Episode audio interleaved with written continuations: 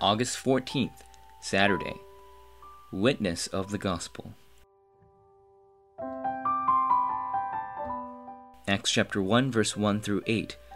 But you will receive power when the Holy Spirit comes on you, and you will be my witnesses in Jerusalem and in all Judea and Samaria and to the ends of the earth. God has called us as witnesses for the gospel. If this is true, since the gospel is the work of saving lives, we must understand people the most. If we do not understand people, we cannot convey the gospel accurately. We must sufficiently understand the relationship between pastors and the congregation. In the church, there are those who have plenty and those who do not. There are the successful elite and there are those who have failed. Pastors and workers must be able to understand the congregation, and the congregation must be able to do the same for the pastors and workers. True evidence of answers must come out from this environment. There is a characteristic of those people who have received answers from God. Number 1. Anyone. What did the people of the early church who received many answers possess? First, they possessed the mystery of knowing that Jesus is the Christ, and they enjoyed this fact. Second, they waited for God's kingdom. Third, they knew how to be guided by the Holy Spirit. Fourth, they saw themselves as witnesses of Christ in every field. If we possess this mystery, we can receive the answers of the early church. Number two, how?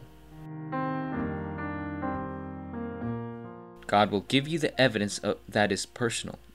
Paul realized Christ to the extent that he considered everything he knew and had pursued in life to be rubbish before he met Jesus Christ.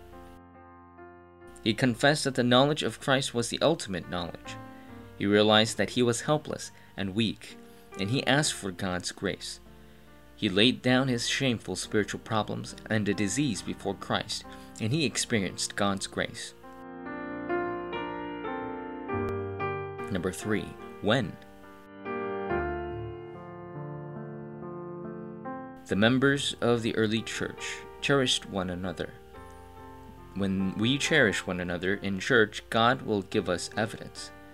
When the congregation gathers together and prays, the Holy Spirit will work. As the doors of evangelism open, the word is fulfilled and disciples arise. To the extent that you give up your material wealth, God's great works will take place. From this point on, as individuals who possess the gospel, we must experience evangelism and receive blessings. Forum topic Make time to enjoy and meditate on the mystery of the gospel that you possess. Reflect on yourself before God and make time to view and understand people around you through the eyes of the gospel.